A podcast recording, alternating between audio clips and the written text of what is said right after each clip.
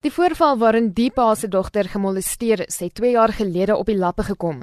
Sy was toe 10 jaar oud. Ek het 'n oproep gekry dat my dogtertjie betas was. Op daai stadium was dit die ouderling van die kerk.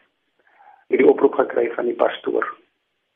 Die ouderling het natuurlik gaan bieg by die pastoor presies wat het hy met my dogtertjie gedoen. Die pastoor het dit goed gedink om eers die ma in kennis te stel volgens wat sy sê, het sy verstaan dat haar oom is terminaal siek. En dis hier hoekom die pastoor met hulle wil gesels.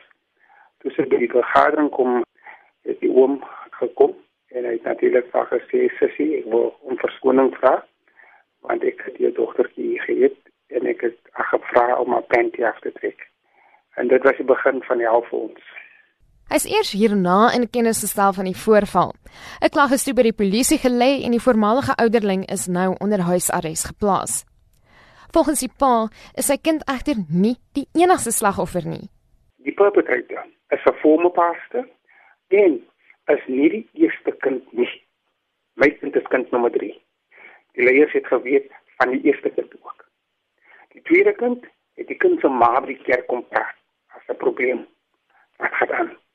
Stuur hulle 'n delegation na die ouers toe om die kind te gaan vra. Weer eens het hulle nie gaan rapporteer nie. In ons geval met my kind, dis ja wie dan, soos drie gevalle wat hulle nie rapporteer het nie. Die pastoor wat die vergadering gereël het, het die familie glo nie weer genader nie. In 'n artikel by die Cape August sê I went the extra mile for the family. Hy weet om met ons te praat, maar hy het die extra mile gegaan. My dogtertjie vra, "Hoe kan hy iets soos dit sê?" As hy nog nooit met haar ontmoet het nie. So ek weet nie wat het hy gedoen om die ekstra maal te doen nie. Volgens die man is daar 'n kultuur in die kerk waar veral leiers nie aanspreeklik gehou word vir voorvalle soos die nie. Ek weet die kerk het 'n beleid en die beleid sê die volgende: as a suspicion of abuse is of knowledge of abuse, dan moet die first respondent onmiddellik gaan na die polisiestasie en dit daaraan meld. In die geval was dit die pastoor wat die first respondent was. Hy het nie polisiestasie toe gegaan nie. Hy bevraagteken die motiewe van die vergadering wat gehou is om hulle in kennis te stel van die voorval en glo die saak is swak hanteer. Hy sê die kerk het intussen geen aanduiding gegee dat die moontlikheid van 'n derde slagoffer ernstig opgeneem word nie.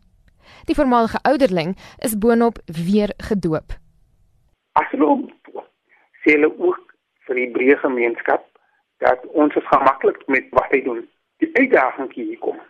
Ons as familie kan nie bevraagteken of hy 'n verhouding het met die Here nie. Dit is 'n omniere. Maar wat ons vra is, is hy gerehabiliteer? Die voorval bly die meisie wat nou 12 is by. Sy kry nagmerries. En twee weke terug het ek 'n verslag gekry van die educational psychologist wat sê die kind kan 'n uh, lewenslang probleem hê om mense te vertrou en ook binne na verhoudings. Dis ook vir die familie 'n moeilike ervaring. Dis maar 'n uh, emotional rollercoaster wat wat ons deurmaak, veral omdat ons lede van die kerk en die kerk weer om met ons te gesels.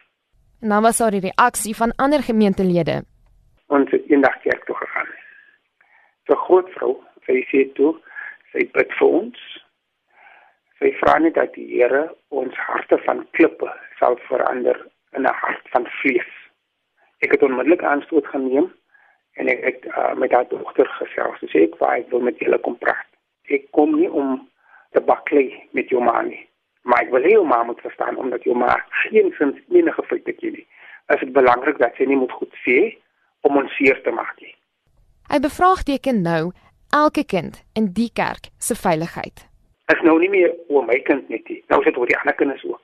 Want ek het nou eerstehands gesien wat is die nagevolge van iets soos dit met 'n kind. Imagine as 'n single ma wat dit oorkom.